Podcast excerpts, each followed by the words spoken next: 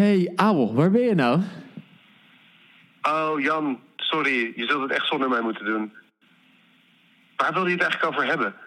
Ik wil het hebben over de Provinciale Statenverkiezingen. Uh, ja, die komen eraan en er gaat over drie onderwerpen die heel belangrijk zijn. De provincies, de waterschappen en de Eerste Kamer. En daar wil ik gewoon mensen over spreken. Goh, nou, ik luister het wel terug, oké? Ja, is goed, Abel. Doei.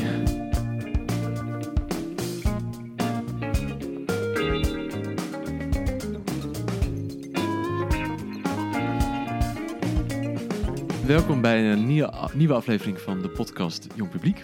Bij uh, de podcast Jong Publiek spreken we elke aflevering met een jong iemand werkzaam in de publieke sector.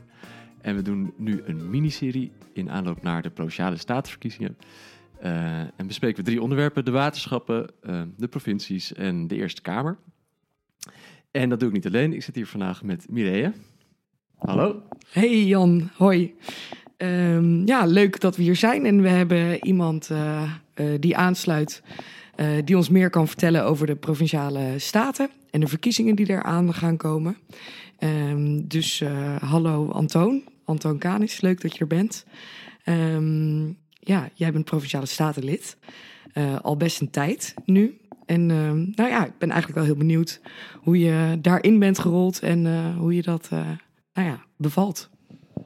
Ja, je, je zei al best wel een tijd, dat, uh, dat klopt. En voor mij zijn het eigenlijk ook uh, de, de laatste weken in, uh, in Provinciale Staten. En wat dat ook fijn dat ik nog uitgenodigd word voor deze podcast. Want ondertussen ben ik 33 en dan voel je toch al niet, niet zo heel jong meer. Maar zit nu ook wel acht jaar in Provinciale Staten. En heb dus ook vanuit die kant ook wel gezien hoe het is om daar vanaf heel jongs af aan uh, mee te kunnen praten. Mm -hmm. ja, in de provincie Gelderland. Precies, ja. ja nee, ik ben dus in, in 2015, uh, twee verkiezingen geleden, uh, verkozen als staatslid in Gelderland voor ja. D66. Ja. En toen was je 25. Wat, wat deed je besluiten om als 25-jarige je verkiesbaar te stellen voor de Provinciale Staten? Ja, ik had, ik, ik had sowieso wel langer uh, interesse in politiek. Dus ik was al sinds mijn negentiende lid van D66. Maar daar deed ik niet zoveel mee. Ja. Hm. Uh, ik heb nog een, uh, een fulltime bestuursjaar gedaan bij een landelijke studentenkoepel die zich ook wel wat bezig hield met uh, lobby namens de studenten. Dus daar kwam ik al een beetje in aanraking met de Tweede Kamer en ook met, met gemeenten -hmm. al wel. En in 2014 werd ik al een beetje gepolst van, toen ik woonde toen in Wageningen, van zou je niet op de lijst voor de gemeenteraad willen? En daar dacht ik eigenlijk bij van ja... De, de, ik had daar niet, niet echt een gevoel bij en past me dat wel helemaal. En toen waarom niet? Waar, waarom niet bij de gemeente? Ja, gewoon qua, qua onder, eigenlijk denk ik vooral qua onderwerpen. Zeker, uh, zeker in die tijd, maar nog steeds wel. Daar is het sociaal domein heel erg groot. Ja, ja en het is toch ook altijd, altijd wel het hele lokale, om ja. het zo maar te zeggen. En ik hou me al heel lang bezig met onderwerpen uh, in de hoek van landbouw, natuur, milieu. Ik uh, ben een uh, boerenzoon, dus mm. opgegroeid mm. op de boerderij. Ben dus ook in Wageningen gaan studeren, waar die onderwerpen ook gewoon veel aan bod komen. Ja.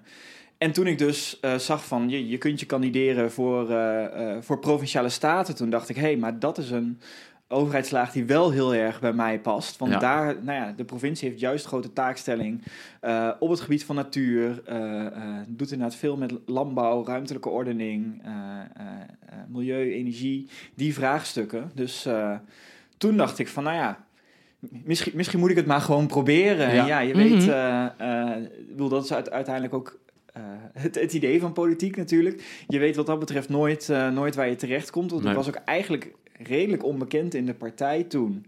Dus ben ook wel met, uh, nou ja, ook misschien met wat geluk al hoog op de, op de lijst gekomen. En uh, toen waren de verkiezingen. En de oh, verkiezingen en van, nou ja, van 2015. die, pakte, ja, nou ja, die pakte ook nog eens heel goed uit voor D66. uh, dat was, uh, we hadden toen zeven, zeven van de 55 zetels in, in Gelderland. En ik stond op plek 8.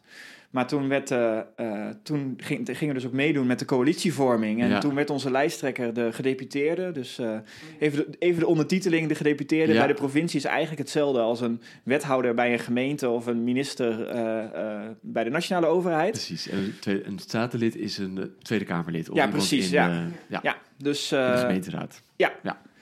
Eh, dus die schoof dus door inderdaad naar het, eh, naar het dagelijks bestuur, naar het co- college van gedeputeerde staten. En eh, toen kwam ik dus vijf weken na de verkiezingen, zat ik er opeens eh, als- in als... eh, 50-jarig broekie. eh. ja, precies. Nou ja, de- Ja. dan ben je 25 en de gemiddelde leeftijd is rond de 50 eh, in provinciale staten. Ja. En eh, ben je daar inderdaad ineens de jongste met nog niks geen politieke ervaring. En eh, En hoe werd, hoe werd daarop gereageerd? Nou, er zijn gelukkig altijd. We waren toen denk ik ook met wel vier of vijf mensen onder de dertig. Oké, ja. Dus, eh, dus eh, je, je bent niet helemaal de enige. Ehm, je merkt dat zeker. eh, Er zijn, er ook altijd een aantal van de wat meer grijze mensen die denken: Oh, oh die- dat broekje weet, weet hoe het allemaal zit. Nou, die zal ik wel eens even wat anders vertellen. Of, eh, nou ja, dat, dat, hè, dat, hoort er misschien ook gewoon bij. En ik merkte het dus ook wel bij mezelf. Ik had ook wel de neiging om een beetje mezelf te, te willen bewijzen. En achteraf dacht ik ook wel eens van... Ah, misschien had ik ook gewoon nog wat langer wat naïef moeten doen. Ja. Was dat wel veel politiek wel veel effectiever? eh, Had dat wel effectiever kunnen zijn dan... ja, eh, politiek spelletje echt eh, gaan leren uit het niets. Ja, ook dat, daarom. Dus, eh, en ik moet wel zeggen, wat ik zelf heel erg gaaf vond, we hadden toen, eh, nou ja, eh, wat, wat ik sowieso heel gaaf was, ik kreeg ook die onderwerpen waar ik dus voor kwam, om het zo Mhm. maar te zeggen. Dus mocht ook echt landbouw, natuur, energie en klimaat, Mhm. die onderwerpen gaan doen in de Staten. En ik kwam, op, de- op al die onderwerpen zat allemaal dezelfde gedeputeerde van het CDA, Ja. Jacob van Dijk. En die had eh, eh, al meer dan negen jaar in de Tweede Kamer gezeten voordat hij in die functie kwam. En wat ik heel erg leuk vond, dat was ook gewoon een goede debater. Ja, ja. Was iemand met heel veel ervaring.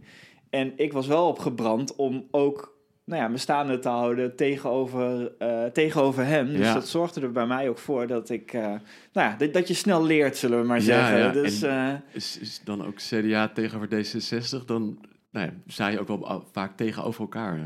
Ja, maar we zaten ook met elkaar in een college, dus dat is ook wel Ah, leuk. Aan ja. de ene kant ben je met elkaar aan het samenwerken, en aan de andere kant probeer je natuurlijk wel scherp te krijgen en ben je het niet altijd helemaal eens. En dacht Nee. ik wel eens van. eh, en de, de gedeputeerde, de, eh, gedeputeerde staten, ja, die gedeputeerden hebben wel een partijkleur, maar die Mhm. moeten in principe gewoon de opdrachten van de hele staten uitvoeren. Dus Ja.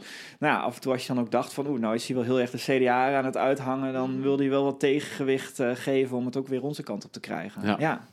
Leuk. En nu ben je acht jaar verder en gepokt en gemazeld.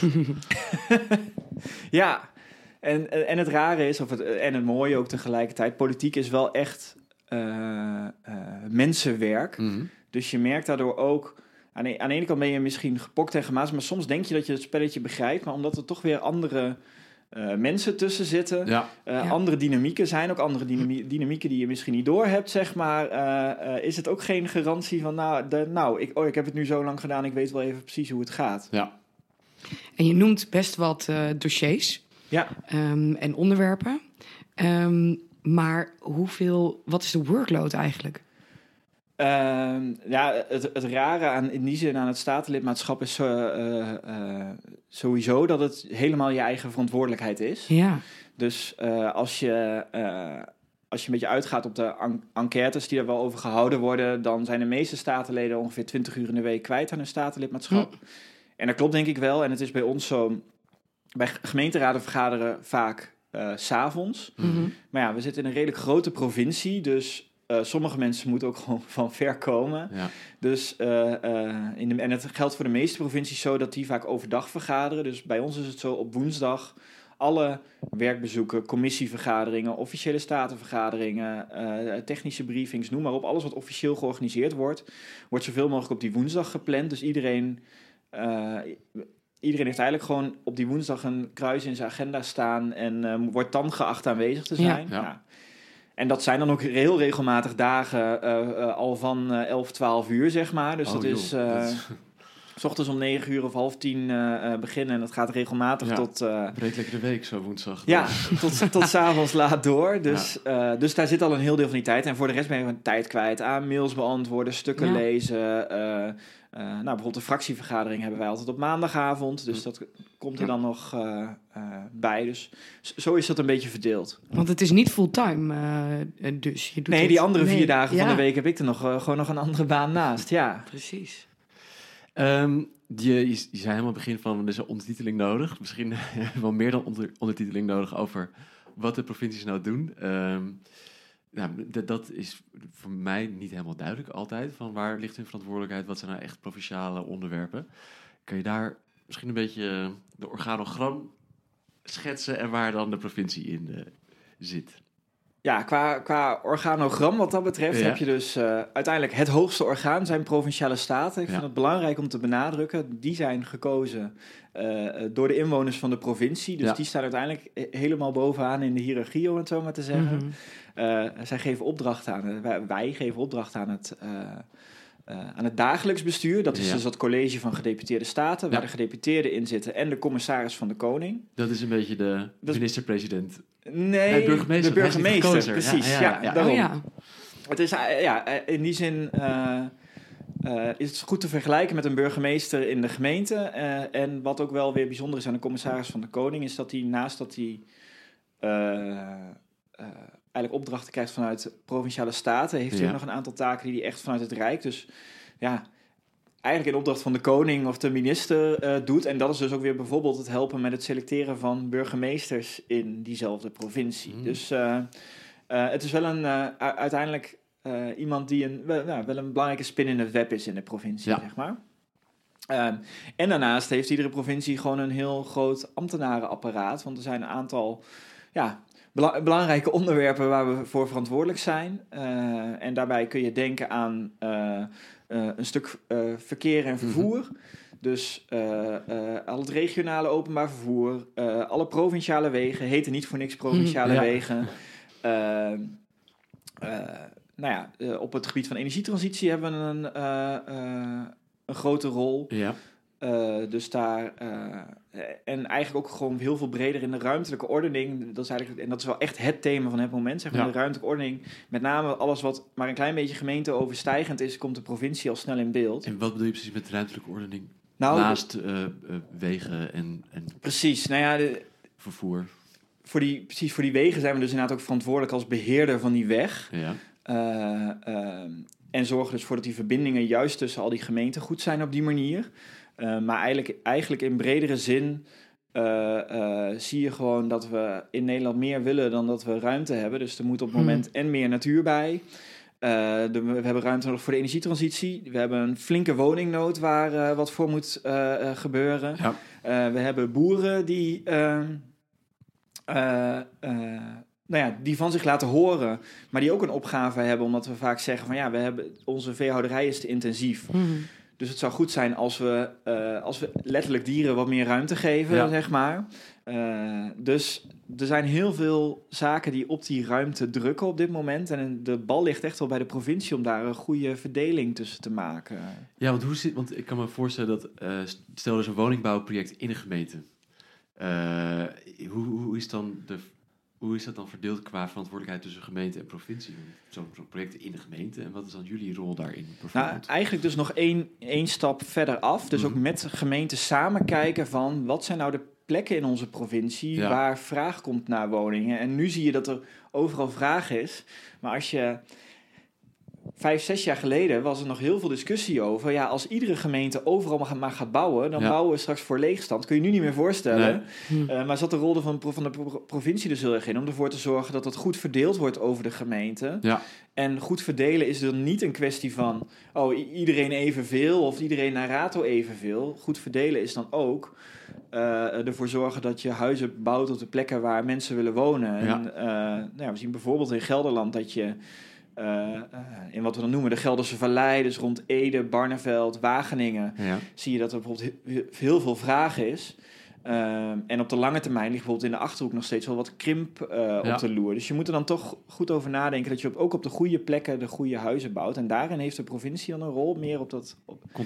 Coördinerende functie? Of ja, is dat, eh, eh, ja, en, eigenlijk. tekort? En je, je ziet uiteindelijk, eh, het is Nederland, dus we hebben, we hebben weer een prachtig poldermodel, zeg maar. Dus je ziet uiteindelijk dat het heel veel gaat echt in samenspraak Ja. eh, eh, met gemeenten. Dus het is niet zo dat het even allemaal op het provinciehuis in Arnhem wordt uitgetekend, maar Nee. dat, daar- dat dat heel veel in, eh, in samenspraak gaat. Ja, maar dus dat klinkt, nou ik zei coördineren, maar zijn er ook echt heel erg uitvoerende taken? Ja, die zit ook dat wordt dus een groot thema. Eh, eh, het zal je niet ontgaan zijn dat stikstof in, eh, in de huidige campagne ook echt een groot thema is. En daar ligt een hele grote uitvoerende taak voor de provincie. De provincie is namelijk verantwoordelijk voor het natuurbeleid. Ja, Nou ja, we hebben er te, te veel stikstof en daardoor is de kwaliteit van de natuur heel erg slecht. En de provincie staat dus ook aan de lat om nu ervoor te zorgen dat die kwaliteit omhoog gaat. Dus dat betekent en maatregelen nemen in de natuur zelf. Daar zijn de komende jaren honderden miljoenen voor beschikbaar. Maar dan moeten we dat wel gaan doen. Mhm. En ook om de stikstof te, te verminderen, dus eh, eh, het opkopen van boerenbedrijven, eh, echt uitvoering geven aan het stikstofbeleid van het kabinet, ja, dat ligt helemaal bij de provincie. Ja. Dus, dus dat maakt het ook echt wel spannende en belangrijke verkiezingen. Want toen ik acht jaar geleden in Provinciale Staten won, toen vroegen mensen zich heel vaak wel af. Waar hebben we die provincie eigenlijk nog voor nodig? Mhm. Eh, eh, toen zag je dat we vooral een rol pakten op economie. Want dat was ook een groot thema, want we kwamen uit, eh, uit de crisis. Ja. Maar we waren eigenlijk wat zoekende. En nou ja, er stond ook toen zelfs een paar jaar eerder in het regeerakkoord van... moeten we niet kijken naar superprovincies? Kunnen we niet een paar samenvoegen, want het is niet meer zo nodig? ja. Dat is Ja. inderdaad de picture nu. Op dit moment is het bestaansrecht van de provincie is er echt, omdat we met die grote ruimtelijke kwesties zitten, eh, omdat we die natuur echt moeten gaan beschermen. Ja. En dat maakt dus ook de verkiezingen belangrijk, want ik zeg, om die reden is de provincie belangrijk. Er zijn ook zeker op de rechterflank eh, eh, partijen zoals BBB, JA21, PVV die juist zeggen, ja, de provincies moeten uitvoeren, maar Mhm. dat, is ook, dat betekent dus ook dat als de kiezers nu kiezen, dat ze ervoor kunnen kiezen om het niet uit te voeren. Ja. Nou ja, ik denk dan vanuit mijn politieke Dan heb je het achtergrond. eh, over de sti- stikstofplannen. Ja, precies. Dus gewoon de, nou ja, eigenlijk je kop weer in het zand steken, Mhm. eh, de rem erop. En dat Mhm. is wel, eh, nou ja, al- als D66 maak ik me daarom ook wel zorgen van. Beseffen ook, even maar heel plat zegt, ook juist de jonge mensen in de stad. Het gaat uiteindelijk wel om hun toekomst. Ja, Eh, maar als je in de weilanden kijkt, dan beseffen duidelijk heel veel boeren van deze verkiezingen draaien om ons. Maar het draait ook om eh, eh, de toekomst van heel veel jonge mensen. En ik hoop dus ook wel dat die echt gaan stemmen op 15 maart. Ja. Want eh, ja, er zit een soort van keuze in van... ga, ga je met die rechtspartijen Ja, ja. stilstaan Ah, of de- de gaan we ca- de vooruit? campagne is begonnen. Ja, ja, ja, Ja, ja, dan krijg je er, krijg je er altijd cadeau bij. Ja, we gaan het zo meteen ook nog hebben over de, de verkiezingen. Maar ik Ja. ben nog heel veel terug over het, het werk eh, als Provinciale Statenlid. Misschien leuk om te vertellen wat, wat dan in jouw portefeuille zit. Eh, nee, nee, nog, eerst nog een andere vraag heb ik. Zijn, nou, hoeveel gedeputeerden zijn er in de provincie? Eh, dat- verschilt per provincie, Ja, dus dat is een eh, politieke keuze. Ja. Maar in Gelderland eh, eh, hebben we er zes, Zes. op dit moment. En wat zijn dan hun, heb je een gedeputeerde van vervoer en een gedeputeerde van milieu, of werkt dat niet? Ja, dat werkt zo inderdaad. Dus inderdaad, grote thema's zijn dus ruimtelijke ordening, eh, landbouw en natuur, energie en klimaat, eh, vervoer. Ja.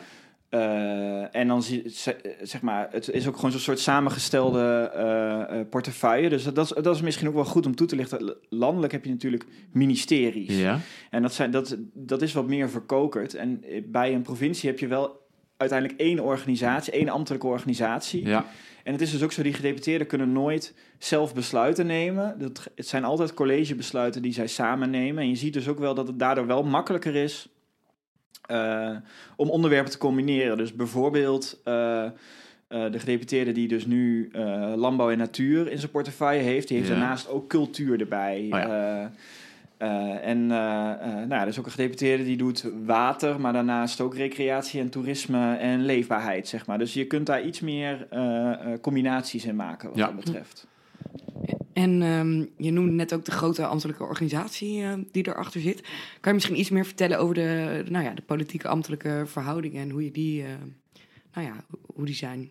Nou, wat ik daar heel erg leuk aan vind en bijzonder aan vind, is dat daar dus hele grote verschillen, dat, dat ontdek je dan langzamerhand, hele grote verschillen tussen provincies eh, Oh. eh, zitten. Dus, eh, nou ja, zeker de rijksambtenaren die luisteren, kennen hem zo Oekase Kok. Dus, eh, de, of, eh zie mij hier een niks. vragende blik. Oh, grappig.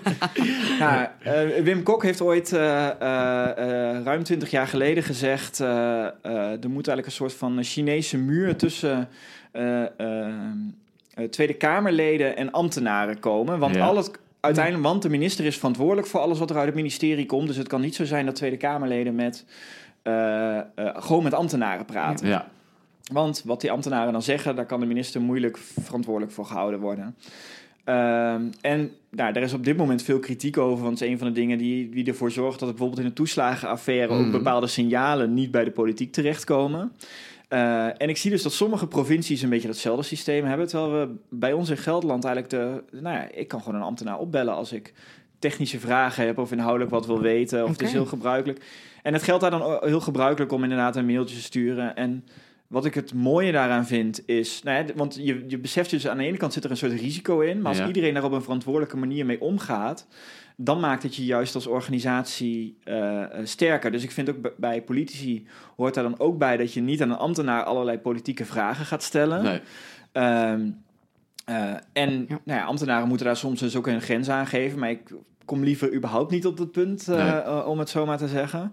Eh, maar daardoor heb je dus ook wel eh, eh, het idee dat je soms echt met elkaar aan die doelen werkt. Dus dat, eh, dat Ja. politiek en ambtenaren, eh, of eigenlijk inderdaad ook vooral provinciale Mhm. staten, gedeputeerde staten en ambtenaren soms met elkaar aan één opgave werken. Ja, het is meer één organisatie. Ja. Zoals je Nou ja. minder verkokerd. Eh, ja, precies. Ja. En, en waarom we, wat daar ook belangrijk in is, voor de meeste inwoners maakt het niet uit of daar een statenlid voor een neus staat of een ambtenaar. Nee. Voor de meeste inwoners is het iemand die namens de provincie spreekt. Ja. Dus ook wat dat betreft is het goed om daar in ieder geval bewust van te zijn met Ja. elkaar. En ook te kijken of je... Ah nee, da- daardoor is er ook in, in, bij, in Gelderland ook wel echt het gevoel dat we met elkaar aan die opgave Ja. werken. En misschien daardoor ook wel iets minder politiek gekleurd dan dat je normaal ziet rondom de Tweede Kamer. En, Eh, ja, en tegelijkertijd, als je hier mijn collega van de PVV had zitten, dan had hij of hier niks over gezegd. En als je hiernaar gevraagd had gezegd van ja, dat is een spelletje van ja, eh, oké. eh, Ja. bepaalde partijen. Ja, precies. Ja, nee, maar je- ja, dat, ik bedoel, dat is wel de, eh, ehm, de partijen die bereid zijn verantwoordelijkheid te nemen, Ja. zeg maar. Die, zijn, die hebben daar wat meer eh, eh, gevoel voor dan, eh, nou ja, dan de partijen die alles zelf beter weten, Ja. om, het, om het zo maar te zeggen. En oh ja, dus ehm, als één organisatie ben je bezig met de opgave. Wat zijn jouw opgaves? Wat zit er in jouw portefeuille? Ja, ehm, eh, landbouw en natuur dus. Milieu, water. Eh, dus dat is een beetje het, eh, het, het groene blok bij elkaar. Ja, Eh, dan nog algemeen bestuur en financiën. Dus dat is een beetje het, eh, ja, het, het financiële eh, blok bij elkaar. En dan nog één, eh, één die er ja, haast letterlijk tussen zweeft. En dat is eh, luchtvaart. ja. misschien leuk om daar... je vertelde het hiervoor al. Hoe ben je daar gekomen aan die luchtvaart? Ja, dat is, dat is en dus... wat kan je ons over vertellen over de luchtvaart in de provincie. Gelderland? Ja, ik, ik, soms, soms gaan dingen dus heel erg raar. En eh, eh, nou, ik zal in, in 2015 begin je dan in de Provinciale Staten. En je hebt er net een nieuwe fractie en je gaat met elkaar portefeuilles verdelen. En we hadden op een gegeven moment alles verdeeld. En ik had echt precies gekregen wat ik wilde. ja. Eh, maar toen zei ineens iemand van, oh ja, we hebben ook nog luchtvaart. Wie gaat dat doen? En toen kreeg ik te horen van, ja, dat, dat wordt altijd besproken in de commissie waar ook ruimtelijke ordening in zit en landbouw en natuur. Dus zo van, nou, als, je, als iemand die toch al in die commissie zit dat kan doen, dan is dat wel handig. Dus ik zei, nou, oké. Wil het wel doen, maar wat houdt het dan in? Ja, gewoon één keer in de vier jaar wil er iemand een vergunning voor zijn helihaven. En dat is eh, een, beetje, een beetje formaliteit. Ja. eh, eh, kun je er wel bij doen. Dus ik dacht, nou prima, doe ik dat er toch bij. Nou, dat, de, de eerste twee jaar klopte eigenlijk die uitleg ook redelijk goed. Of sterker nog, toen hebben we zelfs nooit een, een helihaven langs Ja. horen ko- komen, geloof ik. Totdat in de zomer van 2017 ineens eh, eh, bij ons in de provincie eh, alles losbarstte. Omdat bekend werd dat er vliegtuigen van Lelystad Airport heel laag over onze provincie gingen vliegen. Heb je daarmee opgeschreven? ja, en ik dus ook gewoon letterlijk... nou, we hadden het net over die tijdsbesteding. Van die 20 Ja. uur was ik ine- ineens 10 uur in de week bezig met het onderwerp luchtvaart. Ja. En Ja. Hoe werken die laagvliegroutes dan? En hoeveel geluid produceren eh, vliegtuigen? En hoe wordt dat dan berekend op woningen? En ineens word je een soort... Ja, je wordt ook Expert. langzamerhand een expert inderdaad Ja. op eh, iets wat je van tevoren totaal niet ziet aankomen. Nee. En, en hoe, hoe doe je dat dan, zeg maar? Om daar zo in, in vast eh, te bijten. En eh, ehm, is het veel stukken lezen of ga je ook veel praten met dan, eh, de ambtenaren bijvoorbeeld? Ja, je, je laat je informeren door ambtenaren. Mhm. Wat wel bijzonder is op dat dossier Lelystad Airport... is dat er ook een groep is van eh, inwoners die heel veel kennis hebben. Eh, die hebben zich Mhm. ondertussen verzameld in de samenwerkende actiegroepen tegen Lelystad Airport. Maar Ja. dat zijn in Gelderland en Overijssel echt een aantal mensen die duizenden uren al met elkaar daarin hebben gestoken. eh, die ook nu allerlei eh WOP-procedures tegen de overheid hebben lopen. Omdat die echt proberen het onderste steen boven te krijgen. Ik heb echt heel veel waardering voor die mensen. Maar die kun je dus ook als statenlid soms gebruiken om, je, om weer informatie bij op te halen. Ja. En wat ik zelf ook... eh, ik vind zelf Twitter ook voor zoiets een heel fijn medium. Dus als je nou, in zo'n nieuw onderwerp terechtkomt en je ontdekt dus een beetje wie daar de mensen zijn die nou, gewoon in zo'n hele specifieke niche vaak met goede opinies komen, goed Mhm. onderbouwde stukken komen, dan is dat ook een makkelijke manier om soms die echt hele taaie eh, Mhm. eh, eh, documenten weer nou, ja, in wat begrijpelijkere taal en wat meer samengevat tot je te nemen. Ja. Ja, slim. Ja, Ja. Eh, Oké, dus dit is een beetje vreemde eten in Ja. en, en op de meer grote, nou grote, de, de, de, de groene dossiers. Dat is natuurlijk nu wel echt... eh, ik kan me voorstellen dat je ook weer heel veel tijd kwijt bent met stikstof en nou ja, ook, Ja. ook daarin is boze boeren. Ook daarin is de tijdlijn dus wel weer bijzonder. Want Ja. de vorige provinciale statenverkiezingen waren in maart 2019. Mhm. Eh, toen, eh, toen zei ik van nou, ik wil nog wel vier jaar dat dossier landbouw en, eh, en natuur doen. Niet Ja. wetende dat in mei 2019 die uitspraak van de Raad van Ja. State kwam. En dat we dus dat hele najaar boerenprotesten hadden. Ja. eh, ook bij, onze, bij ons provinciehuis. Ja. En eh, eh, eh, nou ja, de, de- die stik, stikstof zit in de natuurbeschermingswetvergunningen. Die verleent de provincie ook. Dus het is ook echt een heel... Ja, wat betekent Daarmee- dat precies? De- Ja, ik, zal, ik zit even te denken hoe ik het simpel kan uitleggen. In een natuurbeschermingswetvergunning moet je aan die moet je, heb je nodig om aan te tonen dat jouw project de natuur niet schaadt. ja, En een van de facetten waarop een project de natuur kan schaden is door het veroorzaken van stikstofdepositie. ja, Dus, eh, dus je moet dat eigenlijk moet je als je een, een bouwproject doet of als je, eh, eh, als je je boerderij gaat Mhm. uitbreiden of als er een snelweg wordt aangelegd, dan moet je zo'n vergunning aanvragen om, nou ja, om aan te tonen dat je die natuur geen schade doet. Want soms bij een klein project is het gewoon zo minimaal of zit je ver genoeg van natuur af dat Ja. het gewoon kan. Of je moet dan laten zien hoe je dat gaat compenseren of op een andere manier gaat regelen. Maar Ja. dat zijn dus allemaal vergunningen die de provincie verleent. Dus Ja. we zaten er ook meteen helemaal, zeg maar, dus aan de ene kant als verantwoordelijke voor de kwaliteit van de natuur. Ook via die vergunningverlening zaten we als provincie eh, meteen helemaal in. eh, en dat was ook wel heel erg fijn. Ik had wel meteen door toen het dat najaar, nou, al die boerenprotesten waren en duidelijk werd hoe groot de impact was, dat ik dacht, oh, maar hier zijn we de rest van deze Eh, eh, statenperiode niet vanaf. Dus Nee. ik dacht toen wel van, nou, laat ik me ook goed in verdiepen, want het is onwijs complex over eh, eh, bijvoorbeeld wat er precies in de natuur gebeurt, eh, qua biologie, eh, qua scheikunde, wat die stoffen in de Mhm. lucht doen. ja, Politiek bestuurlijk is het heel complex. Juridisch, eh, want uiteindelijk eh, is alles gekoppeld aan eh een uitspraak van het Europees Hof en de Raad van State. Ja. Dus als je op al die vlakken, en dan hebben we het nog eens gehad over bedrijfseconomisch, wat er gebeurt als, eh, als de landbouw helemaal verandert, of sociaal-economisch wat er gebeurt op het platteland, zeg Ja. maar. Nou ja, om daar in al die facetten een beetje overzicht te houden, zeg maar, is het wel fijn om overal een beetje wat van eh, te weten. En de grote valkuil is dan ook dat je als statenlid eh, uiteindelijk je helemaal verliest in, de- in de details, eh, Mhm. zeg maar. Zeker bij zo'n complex vraagstuk. Dus ik probeer ook altijd voor mezelf dan, nou, als je even ergens in hebt verdiept, ook weer die stap terug te doen van, wat is nou Mhm. het grotere geheel? ja. Want daarvoor zit je uiteindelijk wel daar aan tafel. Niet om een klein deelbelang eh, Nee, precies. op tafel te brengen. En kan je, kan je iets van een, eh, een voorbeeld noemen waarin het bij een bouwproject of bij een contact met een eh boos, sorry, met een boer, waarin het naar voren komt, hè? hoe dan zo'n dossier zich ontvouwt? Ehm, nou, wat ik zelf wel interessant vind, wat we in eh, eh, Gelderland gedaan hebben, Ja. is vooruitlopend of eigenlijk naast allerlei landelijke regels is er ook geld vrijgemaakt om in Gelderland een aantal kalverhouderijen die echt op de Veluwe zitten, waar het Mhm. stikstofprobleem het allergrootste is, Ja. om die op te kopen.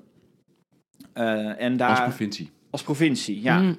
Ik moet wel zeggen, daar hadden we 20 miljoen voor vrijgemaakt. Vervolgens melden zich 100 kalverhouders. En met 20 miljoen konden we er 8 opkopen. Dus dat is wel... Zo, dit is eh, even snel rekensommetje. Ja, maar, Eh, ja, oké. nou. ja, a- 8 procent. Nee, maar ik 8%. bedoel, Ja. het, is dus een heel klein deel. De- ei- eigenlijk zijn er dus ook best wel veel boeren die in ieder geval overwegen om Ja. van zo'n regeling gebruik te maken.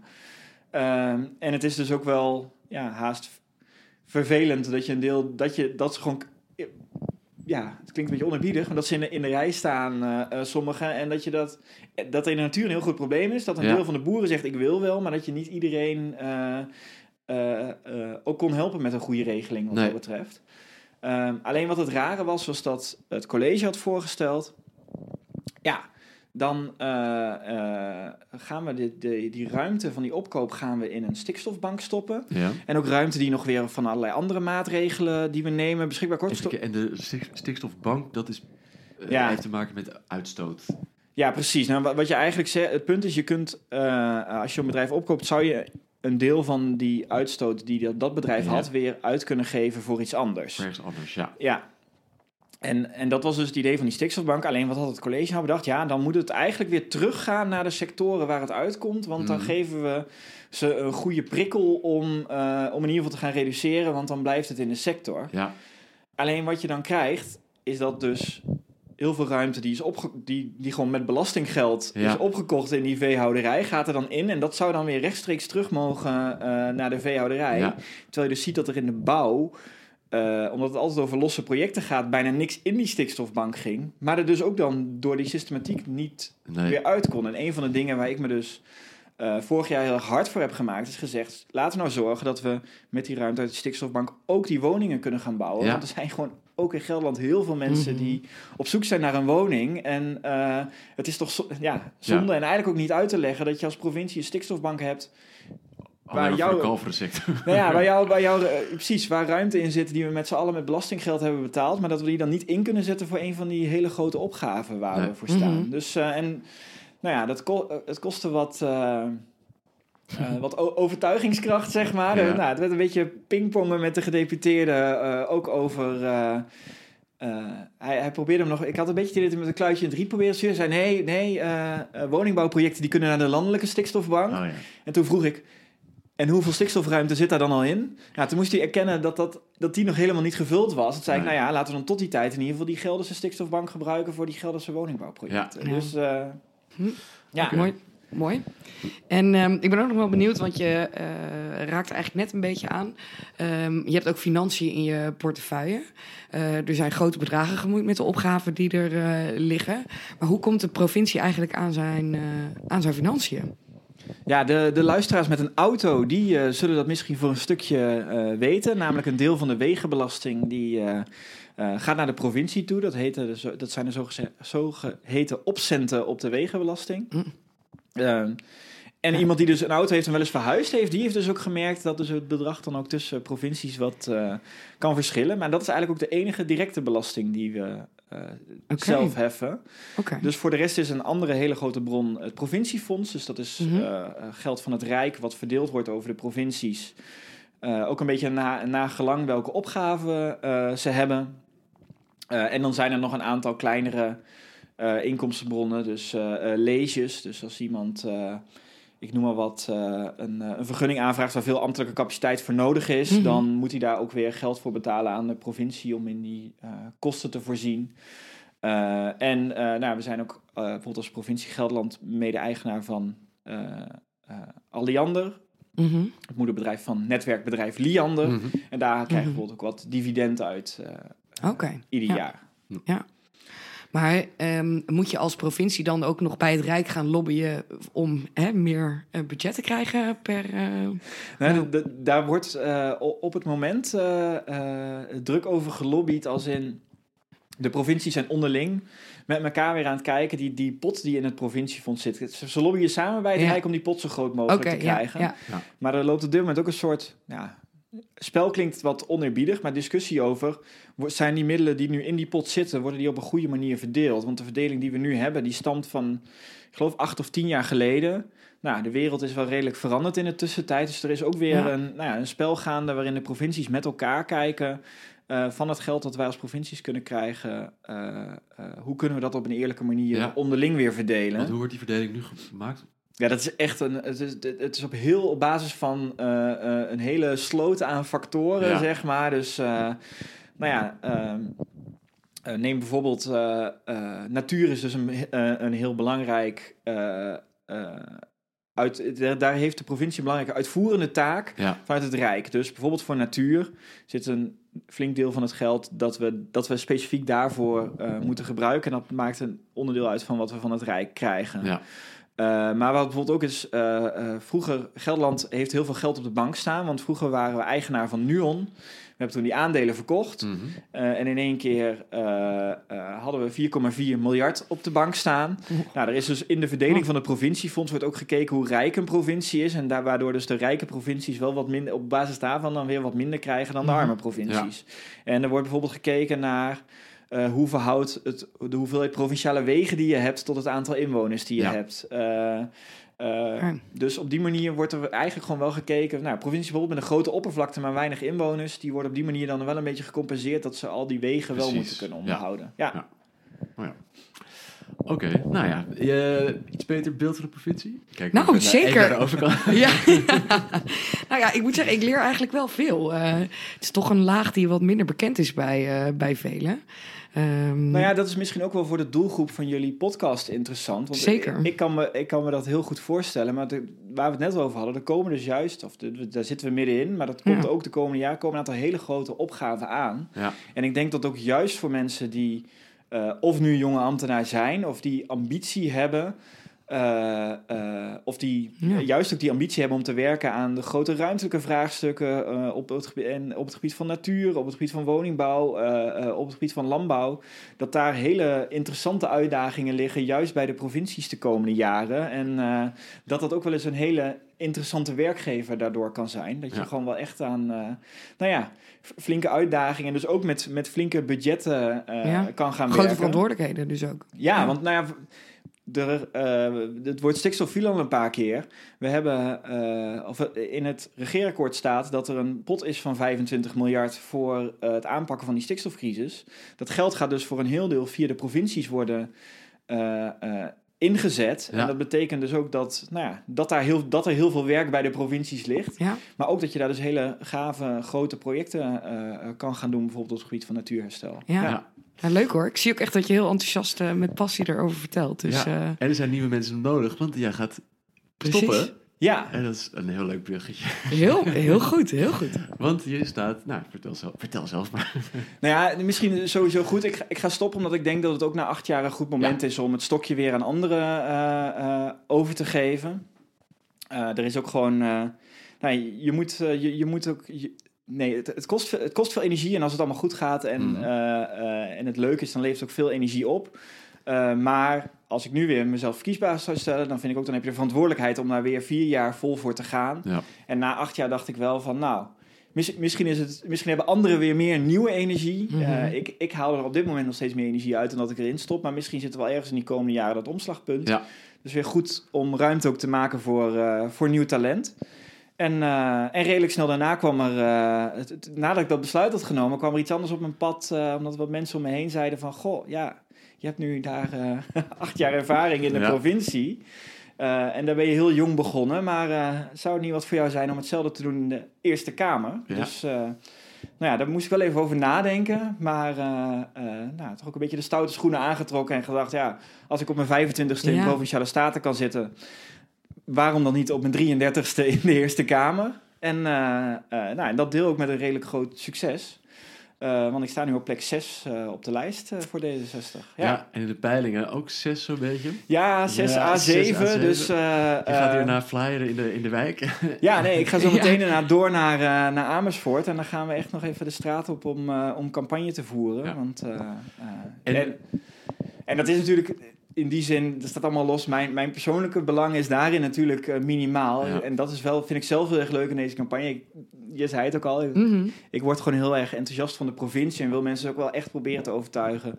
Ga stemmen eh, eh, in jouw provincie, voor je provincie, om- omdat ook daar die opgaven gewoon zo groot zijn en Mhm. omdat daar je stem wel echt het verschil kan maken. Ja. En er zit natuurlijk ook wel een belangrijke link met die Eerste Kamer ook. Ehm, toch? Die, Ja. eh, dat houdt ook verband met Want jij elkaar. hebt zelf twee keer mogen stemmen voor de Eerste Kamer als... eh, Ja, nee, dat is, dat is dus ook wel. Het, het is wel grappig, want heel veel mensen, heel veel mensen weten, oh ja, provinciale staten en Eerste Kamer is aan elkaar verbonden. ja. Eh, maar als je dan vertelt hoe dat gaat, zitten heel veel mensen toch altijd kijken van, oh, wat, wat, wat grappig, wat bijzonder. Want eigenlijk zijn Eerste Kamerverkiezingen lijken heel erg op eh, eh, op gewone verkiezingen. Mhm. Er zijn alleen een, een paar eh, eh, verschillen. Namelijk in plaats van dat eh, eh, iedereen van 18 plus mag stemmen, mogen in totaal eh, een stuk of 600 eh, eh, mensen maar stemmen. Ja. Ja. De Provinciale Statenleden. De provinciale statenleden, ja, en sinds kort ook eh, het, het kiescollege Ja. vanuit, het, eh, Buitenland. Ja. vanuit het buitenland. En de Antillen. Precies, ja. Dus daar zijn, eh, daar zit, daar, nou, die, die kunnen ook hun, eh, hun geluid laten horen. Maar als statenlid mag je dan dus, eh, word, je, word je opgeroepen voor de verkiezingen. Ja. En dan is er ook gewoon, een, bij ons in de statenzaal staat dan een stemhokje. En zo'n eh, bus waar je eh, formulier in moet. En dus ook gewoon zo'n groot wit eh, eh, papier met heel veel namen erop en alle partijen erop. En moet je ook gewoon een rood bolletje inkleuren. Dus eh, ja, dat is eigenlijk net als, eh, net als de gewone verkiezingen. Mhm. Maar dan op het provinciehuis. Ja, op het provinciehuis. Ja. En we, er, is, er wordt dus ook wel een aparte vergadering voor georganiseerd. Dan word je opgeroepen. Nou, dan mag je eh, je, je, je, je plicht doen, zeg maar. Mhm. Of je, je recht uitoefenen om Ja. te Ja. stemmen voor de Eerste Kamer. En, eh, en eh, als alle vijf, bij ons in Gelderland hebben we 55 statenleden. Als die alle 55 eh, gestemd hebben, dan, dan gaat de bus meteen op de kop en worden alle stemmen geteld. En dan, Onder het toeziend oog van iedereen. ja, Ja, wat leuk. ja, ja is wel, ook wel goed in het kader van de transparantie natuurlijk. En dan, nou ja, dan, dan leest de voorzitter van de vergadering, dus de commissaris van de Koning, die leest de uitslag op. En, eh, eh, en dan, gaat er, dan gaat de uitslag up, zo meteen eh, door naar de kiesraad eh, in Den Haag. En dan wordt alles geformaliseerd, zeg maar. En dan heb je Ah. uiteindelijk dus ook wel eh, eh, binnen een paar uur de, de officiële uitslag. Ja. Ja. Ja, je kan dus natuurlijk wel aan de hand van eh, de uitslag van de Provinciale Statenverkiezingen een beetje voorspellen hoe dan die Eerste Kamersamenstelling eruit gaat zien. Ja. Eh, maar het is wel, wel een beetje gek, want je, stem staat dus voor heel veel andere mensen ook, toch? Zou, zou je zo kunnen zeggen? Ja, zeker. Ja. Eigenlijk, eh, ik heb het wel eens uitgerekend. Volgens mij stem je dan dus in Gelderland namens ongeveer 30.000 eh, eh, in, inwoners. Zeg Ja. maar. Dus, Het, dat- zou, het zou maar misgaan. Ja, nee. En het erge is dat dat, dat gebeurt ook eh, heel af en toe. Dat is, eh, nou, ondertussen kunnen we wel om lachen. Maar bij D66 eh, hebben we dat in 2011 meegemaakt. Ja. Daar was er een, een, iemand in Noord-Holland die had bedacht... Ik, oh, weet je wat, ik heb mijn nette blauwe pen in, in mijn zak zitten. Die pak ik eruit om te stemmen. Ja. En eh, dat maakte de stem onge- ongeldig. En in Noord-Holland wonen nog wat meer mensen. Dus die stemden niet namens eh, eh 30.000, maar misschien wel namens 40.000 of 50.000 mensen. Oh. En dat eh, kostte ons uiteindelijk een zetel eh, in de Eerste Kamer. Dus ja. die, eh, Heeft een ja. nachtje, een nachtje slecht geslapen. ja, dat was dus. Nou, de, ik ben dus zelf pas in 2015 in beeld gekomen. Maar ik kan me voorstellen dat die, eh, dat die zich daar niet heel eh, lekker over gevoeld heeft. Ja. Maar dat, ja, dat maakte dus inderdaad ook wel een, eh, En, dit is, een hele verantwoordelijkheid. dit is natuurlijk een horror scenario, maar is- nou, je zit op een eh, wel of niet in de Eerste Kamer positie. Ja. Eh, hoe, hoe, hoe- als die uitslag van de Provinciale Staten bekend is, kan je dan nog iets ja, doen om te zorgen dat het wel net wel, net niet gaat lukken? Nou ja. Ehm, dat gebeurde. Beetje lobbyen. Nou, wat ik net vertelde gebeurde dus in 2011. En eh, eh, vier jaar later kregen wij toen van eh, Tom de Graaf, die lijsttrekker Mhm. was voor de Eerste Kamer voor D66, kregen wij dus wel in de week voor de verkiezingen een bosje rode potloden opgestuurd als fractie. Om in ieder geval te zorgen dat dat niet nog een keer misging. Dus dat was wel was, een leuke knipoog, maar ook wel een mooie herinnering, of een mooie herinnering aan het feit dat het inderdaad eh, belangrijk is. Ja, en er vindt altijd na die verkiezingen nog wel een heel eh, spel plaats. In theorie kun je met voorkeurstemmen nog in de Eerste Kamer komen. Mhm. En omdat die stemmen natuurlijk heel zwaar wegen, Ja. heb je eigenlijk snel, relatief toch? weinig eh, Mhm.